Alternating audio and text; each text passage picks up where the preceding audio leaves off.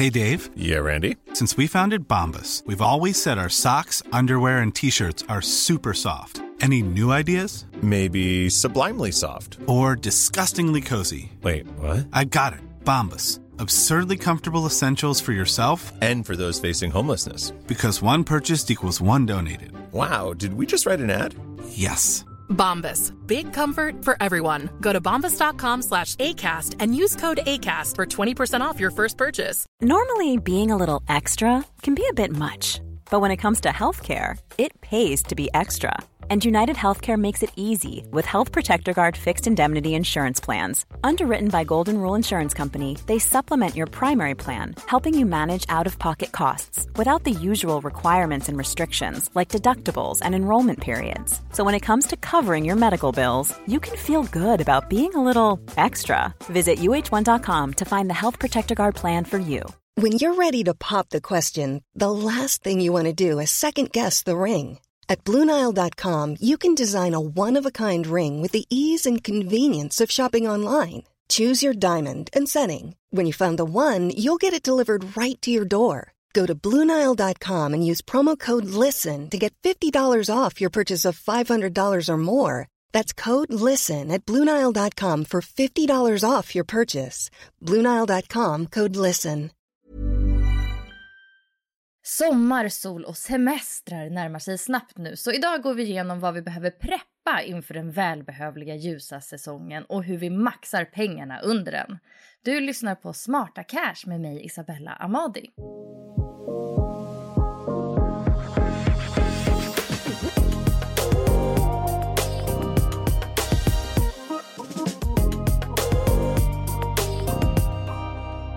Varmt välkommen hit du som lyssnar. Idag har vi förmånen att ha med oss en livslevande kunskapskälla om sparande och investeringar. Moa Langemark är sparanalytiker på Avanza. Välkommen Moa! Tack så mycket.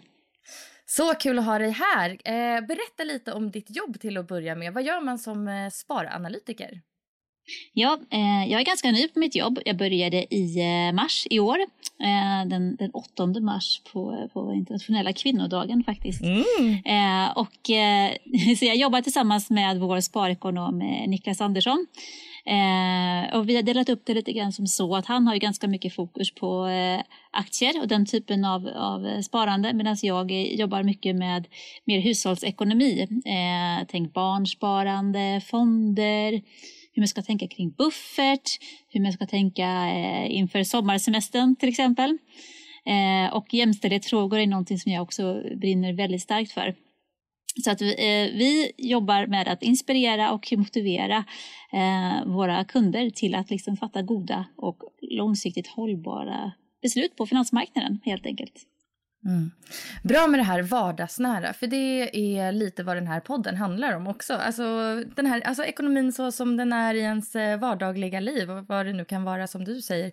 Det kan vara barn och det kan vara bostad och alla de delarna. Eh, och idag har vi då lite extra fokus på det här med eh, semester, sommarmånaderna som ju brukar vara lite speciella. Även om man inte har semester kan de vara speciella, typ studenter brukar ju kanske vara tvungna att jobba och så vidare.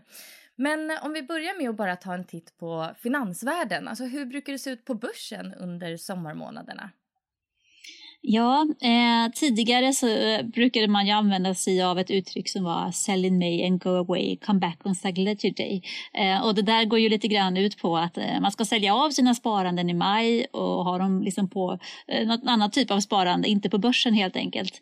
Eh, och sen så köpa tillbaka där när sommaren är slut. Men eh, det här kan man ju kanske ifrågasätta en hel del idag. Eh, det är ju ett mycket starkare intresse för börsen rent generellt idag. Det är mycket, börsen är mycket mer tillgänglig. Ehm, vi har liksom, börsen finns i vår, i vår eh, mobiltelefon som ligger i fickan, snabbt att agera. Ehm, men samtidigt eh, så är det också ett, ett, ett väldigt mycket större intresse för börsen i, i största allmänhet. Och det, det, man kan säga om maj hittills är ju att eh, maj eh, börsmånad är ju på plus hittills. Eh, så ja, eh, vi kan nog fortsätta eh, förvänta oss en fortsatt aktivitet. Även om det kanske kan vara marginellt lite lugnare kanske eh, när vi eh, går in här i sommarmånaderna. Mm. Så vad behöver man göra då med sina investeringar nu? Alltså innan man checkar ut på semestern om man nu ändå vill lägga ifrån sig apparna och mobilen ett tag? Det beror ju helt på hur aktiv man är under resten av året. Eh, har du valt att vara eh, aktiv i ditt sparande så ska du ju självklart fortsätta att vara det även under semestern. Eh, om du är en sån som liksom behöver följa hur aktierna rör sig, hur världsekonomin utvecklas, om det kommer några spännande nyheter, då kan du ju inte koppla av. Men om du däremot har valt ett enklare sparande, säg ett, ett, ett månadssparande i till exempel fonder som ligger och tickar på, då kan du med med, med gott samvete låta eh, investeringarna vara eh, som, som, eh, som de har varit resten av året. Och man kan, man kan eh, kanske låta sig inspireras av den ganska så framgångsrika investeraren Warren Buffett. Han har ju sagt att our favorite holding period is forever. Eh, det är ju någonting som man kan bära med sig när man ligger där i hängmattan. liksom att timing market eh, beats timing the market. Det är också en sån här Eh, jag kan koppla av med gott samvete om jag har investerat i sånt som jag långsiktigt tror på helt enkelt. Mm. Så den klyschan kan man leva lite mer efter än den här uh, sell in May? Jag, jag skulle nog säga det, ja. Mm. alltså jag älskar det med börsvärlden. Det, det är många såna här härliga uttryck och eh, klyschor som ja, ändå håller rätt bra får man väl säga. Absolut, så är det. Och vissa som man kan skrota när tiden, när tiden utvecklas. Ja. ja. eh, Okej, okay. om man tittar på resten av ekonomin då, vad kan man behöva se över innan eh, semestern? Ja, även där så är det ju helt beroende på liksom livssituationen. Eh, om det är så att man har mycket skulder, man kanske har höga eh, kredit, kreditskulder höga avgifter, då är det ju oerhört viktigt att det är där man börjar. Beta av de, eh, de lån som, som har högst eh, ränta helt enkelt. Börja där. Och när det är borta så kan man ju eh, kanske fundera över nästa steg därefter då är ju någonting som vi brukar ofta prata om, eh, vi som håller på med eh, privatekonomi, eh, är ju vikten av en buffert. Det är ju faktiskt ganska tråkigt med buffert för det är ju ett sparande som man ska ha för att eh, eh alla eh, eh, saker som händer i livet. Eh, så det ska liksom vara ett sparande som är man brukar prata om ungefär tre månadslöner svårt för många att nå dit men, men ändå viktigt att ändå ha, ha lite marginal där och ha det bara på ett vanligt sparkonto eh, för att eh, livet det kan ju inträffa eh, mitt i en börsnedgång att man behöver sälja av ett, ett innehav då kan det inte kännas roligt och då känns det bättre att ta det från ett sparkonto. Den här bufferten, är det därifrån man ska ta pengarna till semestern och alla extra utgifter över sommaren eller vad tycker du? Nej, det skulle jag inte säga. Eh, när man ska gå på semester är det ju allra bästa om man redan eh, året innan har lite grann börjat fundera eh, på hur mycket pengar man har gjort av med precis på den gångna semestern. Förra året är ju en ganska dålig eh, utgångspunkt eftersom eh, vi allra, de allra flesta av oss var ju hemma och, och det mesta var stängt, man kunde inte göra så mycket. Så säg att vi går tillbaka för två somrar sedan och tittar lite grann.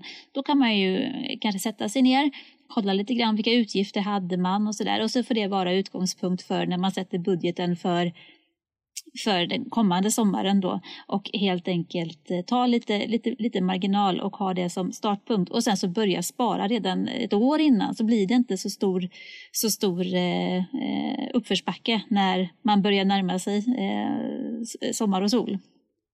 Det är mm, mitt bästa just tips. Det, ett, ett separat semestersparande. Ja, precis. Mm. Eh, då är det lite för sent nu då? Ja, det kanske man kan säga, men, men eh, det, det, finns alla möjligheter att komma igång nu redan inför nästa sommar. Det har du rätt i, verkligen. Eh, Okej, okay, men hur gör man en bra budget då nu inför sommarmånaderna? Ja, men det var ju lite det som jag var inne på där. Det är en väldigt bra utgångspunkt att titta på hur man har gjort tidigare somrar, vilka utgifter man har. Det är jättesvårt eh, att på förväg försöka eh, uppskatta eh, kommande, kommande utgifter. Det kan ju vara allt från att man på campingen blir påbackad och åker på en, en självrisk som man inte hade räknat med eller att kylskåpet i segelbåten pajar eller eh, alla de där glassarna som eh, ens barn tjatar sig till i som man inte riktigt hade tänkt att man eh, skulle ehm, bekosta. Det är både stora och små utgifter som är svåra så därför är det väldigt bra att utgå från sig själv och helt enkelt. Du har du ganska så tydliga siffror på vad det brukar kosta och ha det som någon form av utgångspunkt. Det tror jag är en god, en god poäng. Och sen tror jag också att det är väldigt viktigt att man eh, har en förståelse att vi är alla människor. Det är väldigt lätt att tänka att ja, ja, det där problemet kommer jag kunna lösa imorgon och så använder man sig av olika krediter för att finansiera en sommar. Eh, tyvärr så är det många som kanske inte har så mycket möjligheter liksom att spara ihop. Men i så största mån som möjligt ska man försöka undvika att, att eh, bekosta sommarsemestern med krediter. För att om man inte har haft möjlighet att spara ihop eh, pengar eh, tidigare så finns det inte så mycket som säger att du kommer att ha bättre förutsättningar eh, imorgon att, att göra det. Så att, ja, det, det, det är ett, ett, ett, ett, ett tips där att man eh, har inte för, för stor tilltro till sitt framtida jag helt enkelt. Mm. Ja, men och, och det här, alltså när man väl går på semester, det är ju väldigt lätt att det drar iväg. Det är inte bara de där glassarna, utan det kan vara liksom det, goda, det härliga vädret gör att man vill äta ute och allt vad det nu kan vara. Alltså vilka utgifter är viktiga att ha koll på skulle du säga? Ja, nej men det, det, det är en väldigt svår fråga för det är ju väldigt mycket upp till var och en. Um, men uh, har man gjort en, en buffert eh, och att man undviker de där dyra krediterna då kan man väl ganska gott kosta på sig och, och, och, ta det lite, lite soft i sommar och unna sig de där sakerna som man ändå kanske får avstå resten av eh, året. Det skulle jag nog ändå vilja, vilja säga. Eh, men det är ju verkligen så. Eh, alla vi som har barn eh, har säkert blivit chockade. Liksom. Jag, jag blev själv väldigt chockad, ska jag säga. Det är jag vi har pratat om nu. Eh, efter Gröna Lund eller Kolmården eller vad vi nu har varit, eh, vad det i slutändan landar på. Allt från eh, parkering till, inte bara entrén, liksom, utan parkering och maten. Och det, det rullar snabbt iväg och kan man på något sätt då försöka eh, Eh, hitta tillfällen när det är lite billigare så där, i lågsäsong eller vad det kan vara så är det ett, ett, ett bra exempel för att liksom lyckas komma undan lite billigare för barnfamiljer. Och har man inte barn då ska man ju ta alla chanser i världen att åka på eh, olika saker när det är lågsäsong. Man inte behöver anpassa sig efter, efter eh, loven i skolorna. Mm. Ja, för sen när typ semesterkassan börjar tryta lite grann, alltså, då är det så lätt att man börjar kika lite på sparkontot och man kanske för över 500 spänn eller så. Hur stoppar man sig själv från det här beteendet att börja nalla på sparpengarna? Ja, det där är ju verkligen en 10 000 kronors fråga. Det finns ju eh, väldigt, eh, väldigt många som går och grunnar på detta. Eh, och det är ju inte bara vad gäller sparande utan det är ju, eh, det är ju alla livssituationer. Just det här med att eh, Eh, man har någon form av tilltro till sitt, till sitt som framtida jag. Att ja, men jag tar de här pengarna nu men imorgon så kan jag spara dubbelt så mycket.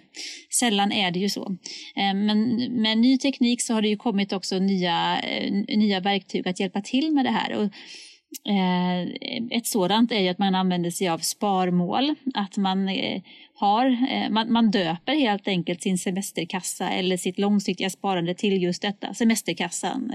Eller mitt långsiktiga sparande eller cykeln eller vad det nu är och kanske sätter dit en liten, liten bild. Det är ju olika funktioner som finns hos olika, olika banker så, såklart. Men det, det, kan ju vara ett alternativ så att man liksom har en tydlig målbild för sig. Liksom, vart ska jag? Och tänk efter nu uh, ordentligt innan, innan jag gör det här. Är det här verkligen någonting som jag uh, vill på lång sikt? Uh, kanske inte. då kanske det är bättre att avstå den där utgiften idag då till förmån för, för vad den kan ha för nytta imorgon. Just det, och har man liksom investerat pengarna också då kan ju de ligga där ändå och gotta till sig lite extra. Så är det ju verkligen.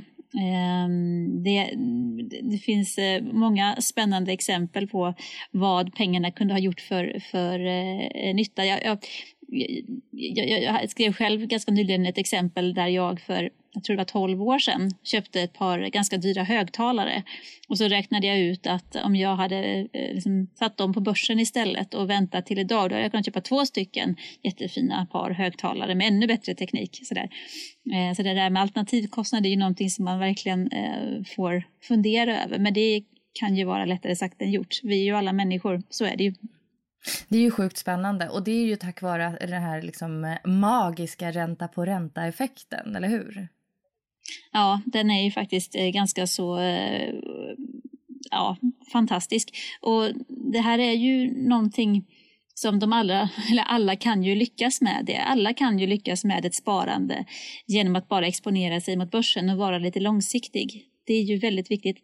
Det är många som har uppfattningen om att börsen och finansmarknaden det är något svårt. Eh, man behöver vara så insatt och man behöver verkligen eh, lägga jättemycket tid på det. Men så är det ju inte idag. Har du ett, ett, ett sparande som, som ligger och tickar in i, i säg breda, breda billiga indexfonder då, då är det ganska svårt att misslyckas eh, faktiskt. Utan då kommer de allra flesta efter några år att ha ett, ett, ett sparande som har vuxit en hel del. Så har det varit historiskt i alla fall och det är väl mycket som tyder på att den här utvecklingen utvecklingen kommer att fortsätta även framöver. Men nu i sommar då, hur ska man göra med eh, sparandet då? Ska man fortsätta med investeringarna som vanligt eller Ja, men det var lite det som jag var inne på inledningsvis. Det beror ju helt på vad du har valt för investeringsstrategi. Eh, vissa vill ju gärna vara aktiva och då måste man ju också fortsätta det. Det är ju jättesvårt att välja att vara aktiv bara under vissa tider av året eh, och sen förvänta sig liksom att det sköter sig självt. Men har man däremot valt ett, ett enkelt eh, sparande i sig fonder eh, där man gör en månadsavsättning, kanske via autogiro varje månad, eh, samma summa som tickar in och går till samma fördelning, då kan man ju gott eh, låta det där ticka, ticka vidare. Det finns ju ingenting som, som, eh, som kräver att du går in och, och gör aktiva val då. Däremot så kan man ju kanske någon gång om året, men det kan man ju spara till om man nu liksom vill ta semester från sin ekonomi. Eh, så kan man ju någon gång gå in och se över om det fortfarande är Eh, den fördelning som man vill ha för att eh, olika marknader går ju olika bra så då kan en fond kanske ha stuckit iväg jättemycket och blivit jättestor och då kanske man ska fördela om lite grann och, och, och, och eh, ha, ha under en period mer fokus på någonting annat. Men det där är lite upp till var och en hur pass aktiv man vill vara. Men nu utgår jag lite grann från att man inte är intresserad av ekonomi utan man vill bara ta det lugnt och koppla av. Annars så är ju sommaren en fantastisk möjlighet att göra alla de där grejerna som vi har pratat om. Att liksom gå igenom lånen, titta över dyra krediter, få bort dem, eller lägga upp en plan för att få bort dem se över din, din, eh, dina bolån om du har sådana eh, och fundera liksom vad, vad är rimligt för mig? Liksom vad, vilken, vilken, vilken, eh, hur, hur, mycket ska jag amortera? Alla ska ju amortera ner till 50 procent men de som har nått så långt, jag menar, vi har ju sett en fantastisk utveckling nu på bostadsmarknaden och många har eh, fått se sina värden på bostäder stiga i höjden. Ehm, är det läge kanske att trappa av lite grann på amorteringarna? Man har nått den där 50 nivån, man kanske snarare närmar sig 30. Då kanske det kan vara värt att istället lägga om pengarna på börsen och sådär. Så att ehm, det, det, vi, vi är alla så olika, men ehm, eh, det finns alla möjligheter till att både ta tag i sitt sparande och sin privatekonomi under sommaren och att ta det lugnt och låta den vila fram till man kommer tillbaka igen till arbetet där framåt augusti. Men jag såg ett roligt eh, blogginlägg som du har författat apropå lite mer läsning och sådär. Eh, som handlade om hur eh, miljonärerna investerar. Kan du inte berätta lite om det? För miljonär vill man väl bli? Ja, det vill ju alla bli.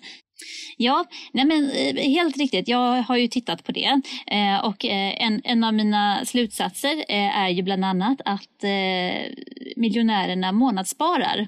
Eh, så även de eh, håller på med detta. Det är inte så att de sitter och försöker liksom tajma, tajma marknaden utan Eh, de, de, månadssparar, de månadssparar ju såklart ganska mycket högre än vad genomsnittet på, eh, hos våra sparare gör annars. 9 200 kronor eh, ligger deras månadssparande på medan eh, snittet eh, hos våra kunder i övrigt kanske ligger runt 3 000. Så det är en ganska mycket högre, högre summa såklart. Men att de eh, månadssparare tycker jag ändå var en, en väldigt intressant eh, upptäckt som jag gjorde där. Eh, och liksom att de kanske, de, de, är inte riktigt lika exponerade mot, eh, mot mer hög, högrisk ehm, eh, aktier och så som man kanske kan se bland, bland många andra sparare om man tittar på snittet. Där kan det ju dyka upp eh, aktier i, i företag som, som eh, eh, kanske inte är, ja men det är stora, stora svängningar. De ser man ju inte alls på samma sätt i ehm, eh, miljonärens portfölj till exempel. Vad har du för exempel på aktier i deras portfölj då? Um, ja, men där hittar vi ju eh, Investor, Volvo, Swedbank, H&M, Nordea, Eh, Embracer och Evolution är ju sådana där företag som eh, ju har eh, varit mycket, mycket fokus på senaste tiden men som också har gått väldigt bra eh, så senaste, senaste, eh, senaste perioderna här. Och AstraZeneca och Telia. Så det är ju verkligen det är väldigt mycket stora eh, svensknoterade eh, företag som har funnits på börsen eh, länge. Eh, men också lite, då, liksom, lite mer eh, så här, tillväxt och tech. Mm. Spännande. Men om man inte är miljonär, typ som jag, eh, så blir man ju väldigt glad när man får skatteåterbäring. Eh, säg att man får en skatteåterbäring på typ eh, 8 000 kronor. Hur skulle du föreslå att man eh, investerar de pengarna om man nu väljer att investera dem? Ja, nej men det där är ju en, en klurig fråga för att det finns ju eh, man, man, om, man får en större klumpsumma pengar så skulle ju inte jag säga att man ska gå in med allting eh, samtidigt i någonting utan även här är det ju ett väldigt effektivt sätt att sprida ut det liksom, i ett månadssparande. Men 8000 kronor kanske är lite grann sådär på, på gränsen liksom. Det kanske det funkar ändå att köpa eh, vid ett tillfälle liksom. Eh, men Eh, Eh, det är ju jättesvårt, men alltså om man säger att man då ska eh, köpa eh, aktier, då är det ju jätteviktigt att man eh, sätter sig in noga i vad det är för aktier som man ska köpa. Eh, det är ju helt avgörande för att man ska bli framgångsrik, att man förstår bolaget, man förstår deras affärsmodell eh, och att man har tid på sin sida. Eh, för det kommer alltid svänga på börsen, så är det ju. Och du har ju ingen aning liksom, om du köper idag i ett, i ett stort etablerat företag, det kan ju gå ner jättemycket imorgon av en anledning som du inte känner till idag. Så det skulle jag säga när det kommer till aktier. Men eh, fonder, så kanske, ja men säg att du då har ditt månadssparande som ligger där och tickar. Så kanske du, om du är intresserad, så det finns ju bland fonder så finns det ju fantastiska möjligheter att exponera sig mot eh, branscher och marknader som man kanske inte har tillgång till eh, annars då kan ju det vara eh, liksom, eh, en grej som man kan göra. Då kan man ju köpa eh, någonting som man tycker är lite extra roligt för de pengarna då i en fond. Och sen så kan man ju komma ihåg då att, eh, att det här var liksom, ja men det här var skatteåterbäringen 2021. Får vi se hur det går. Ja. Eh, men vi fick, eh, min, mina, mina barn fick en liten, liten peng här av svärföräldrarna och då köpte jag en specifik, en specifik eh, eh fond till dem som de inte hade i sin portfölj annars. Jag tänkte att men det är lite kul, det här är, liksom, det här är farmor och farfar. då får vi se hur det går för dem, jag hoppas det går bra. Just det, då kanske man kan göra det med, om man tar skatteåterbäringen så liksom eh, dedikerar man den till nästa års semester. Mm, absolut, det kan man ju också göra. Så, så är det ju. Fast eh, egentligen eh, så, så är det ju som, en god utgångspunkt kan ju vara att pengar som man ska ha inom fem år, de ska man inte ha på, på eh, börsen. Eh, för att det, så pass stora svängningar är det ändå. Men däremot kanske semestern om fem år. Mm, ja. ja, annars kanske man får eh, nöja sig med någon tältsemester nästa år om det har backat ja. 20 procent eller så. Ja. ja, men det med tältsemester ska inte, ska inte förringas. Det är ju hett nu. Mm. Nej, ja, det är det faktiskt. Ja. Men har du några bra spartips då inför sommaren? Ja, eh, tänker du då hur, hur, man ska tänka rent eh, privat, privatekonomiskt då? Ja. ja. Jo, men lite grann som jag var inne på tidigare. Eh, är man en barnfamilj, det springer iväg så fruktansvärt fort med utgifter. Försök att pricka de här eh, tillfällena där det är lite mindre tryck på eh, nöjesplatser och annat. Det är ju verkligen en, eh, en sak som jag vill skicka med. Ett annat tips också, tänk på ditt framtida jag. Eh, ta inte semester på kredit utan se till att du eh, liksom har på fötterna innan du ger dig iväg på saker. För det finns ingenting som säger att du kommer ha, ha liksom bättre förutsättningar att, att betala tillbaka de här dyra lånen imorgon. Eh, och sen så försök liksom att komma igång med sparandet så, så, så tidigt som möjligt. Och det finns ju massor med olika eh, knep som man kan ta till. Eh, ett effektivt sätt kan ju vara att man bara eh, avanmäler sig från sånt som man vet drar liksom ens pengar till sig. Det kan vara utskick från det där favoritklädmärket eller vad det nu kan vara. Eller att man sätter press på sig själv och och eh, jobba med nolldagar. Det tycker jag är något spännande. Det vill säga att man ska göra av med noll pengar eh, på en dag och så får man räkna ihop hur många nolldagar man har fått ihop. Eh, det kanske inte Magdalena Andersson tycker är så kul att vi håller på med men det är ju ett effektivt sätt ändå att, eh, att eh, snabbt nå resultat. Mm, gud, det där var lite inspirerande. Det ska jag prova någon, någon gång faktiskt också. Det är lättare med en nolldag här och där än kanske säg ett köpstopp på ett helt år. Ja, det kan ju vara väldigt utmanande. Inte minst om man har familj så är ju det där jätte, jättesvårt. För att det kommer alltid situationer som man inte har räknat med som gör att man måste bryta det. Och då känner man sig kanske misslyckad och tänker ja, ja, då kan jag strunta i mitt köpstopp resten av, resten av året. Då är det bättre kanske att ha sådär att ja, men jag försöker så många dagar jag kan så ska vi se om jag slår det nästa vecka eller nästa månad. Så, där, så att man lite grann tävlar med sig själv. Inspirerande. Har du något tips på någon rolig och lärorik eh, sommarläsning eller lyssning eller tittning? Du, det har jag verkligen. Jag skulle kunna prata ett helt program om eh, boktips. Jag älskar böcker. Oh, så jag oh, hade väldigt svårt. Jag vill verkligen ha boktips. ja, ja och, och det är så himla svårt för att eh, jag vill både liksom skicka med tips som är eh, inspirerande och tips som eh, jag själv som liksom tycker är så här, det måste ju vara läsvärt också. Det måste vara kul, det måste ju ge någonting. Men, eh, så jag, jag börjar med en bok som jag håller på med just nu och det är eh, Robert Schillers Narrative Economics. Det är en superspännande bok som handlar om hur narrativ skapar liksom sanningar i ekonomin. Och jag tycker ju att det är jätteintressant just det här samspelet mellan psykologi och eh, ekonomi. Behavioral economics tycker jag är ett fantastiskt eh, forskningsområde som man bara kan gräva ner sig i totalt.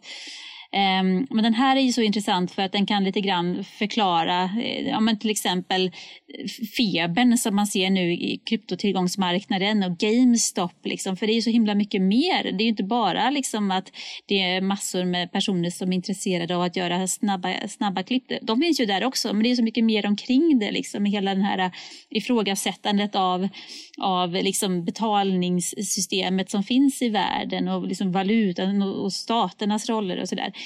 Och han, han summerar upp det där. Och på ett väldigt, väldigt intressant sätt. Så den, det är ett tips. Robert Schiller, mm. Narrative Economics.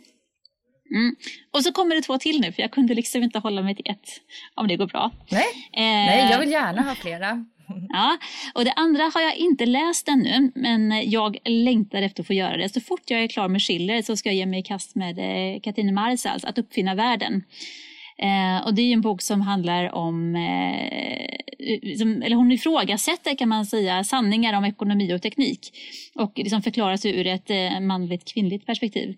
Och jag vill verkligen läsa den här för att jag älskade hennes bok Det enda könet som ju eh, ifrågasätter hela liksom, den nationalekonomiska utgångspunkten som på något sätt liksom, säger att eh, the economic man är en man. Um, och så börjar hon med den här uh, nationalekonomins grundläggande fråga uh, kring liksom, hur fick du din middag på bordet? Och då alltså, förklarar Adam Smith det med att eh, ja, men det är egenintresset. Eh, men det säger Marisol att nej, men det är fel. Det var Smiths mamma som ställde maten på hans bord. Eh, och det där tycker jag är väldigt spännande när man liksom sätter etablerade sanningar lite grann på spel. Det är också det som behavioral economics handlar om. Mm. Men det är kul att du eh. nämner eh, Katrin Marsall för att hon har också ett väldigt bra nyhetsbrev som man kan prenumerera på som handlar om just eh, ja, men så här feministisk ekonomi typ. Mm, ja, men hon, hon har gjort jättemycket och jag längtar verkligen efter att få läsa hennes, hennes nya bok. Och sen tredje tipset, det är det sista, jag lovar. Men den är så himla bra. Eh, Barack Obamas A Promised Land är en helt fantastisk bok. Jag är ju väldigt nyfiken på vår omvärld och liksom eh, ekonomi och politik. Och här lyckas Obama, det står ju att han har skrivit den själv, jag hoppas verkligen att det är så. Han lyckas verkligen med konststycket att både berätta liksom om sin resa från att han var liksom, eh, student till hur han blev president och hans första mandatperiod. Både på liksom ett oerhört, det är väldigt mycket fakta men det är jätteroligt. Jag skrattade flera gånger när jag läste, jag läste boken, det superspännande.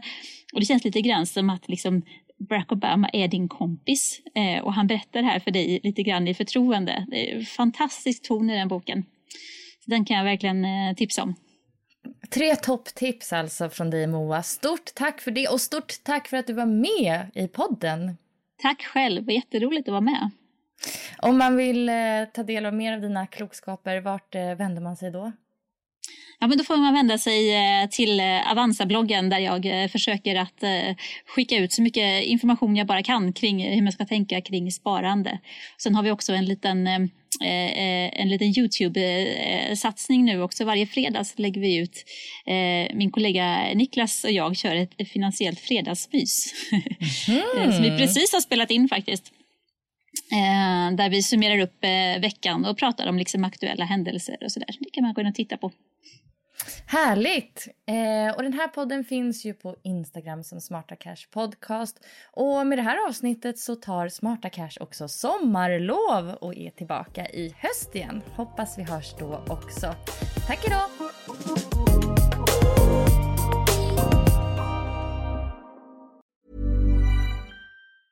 Hej, it's Danny Pellegrino from Everything Iconic. Ready to upgrade your style game without blowing your budget? Check out Quince. They've got all the good stuff shirts and polos, activewear, and fine leather goods, all at 50 to 80% less than other high end brands. And the best part? They're all about safe, ethical, and responsible manufacturing. Get that luxury vibe without the luxury price tag. Hit up quince.com slash upgrade for free shipping and 365 day returns on your next order. That's quince.com slash upgrade. Mom deserves the best, and there's no better place to shop for Mother's Day than Whole Foods Market. They're your destination for unbeatable savings, from premium gifts to show-stopping flowers and irresistible desserts. Start by saving 33% with Prime on all body care and candles. Then get a 15-stem bunch of tulips for just $9.99 each with Prime. Round out Mom's menu with festive rosé, irresistible berry chantilly cake, and more special treats. Come celebrate Mother's Day at Whole Foods Market. Imagine the softest sheets you've ever felt. Now imagine them getting even softer over time. That's what you'll feel with Bowl and Branch's organic cotton sheets. In a recent customer survey, 96% replied that Bowl and Branch sheets get softer with every wash. Start getting your best night's sleep in these sheets that get softer and softer for years to come. Try their sheets with a 30-night guarantee. Plus, get 15% off your first order at bowlandbranch.com. Code BUTTERY. Exclusions apply. See site for details.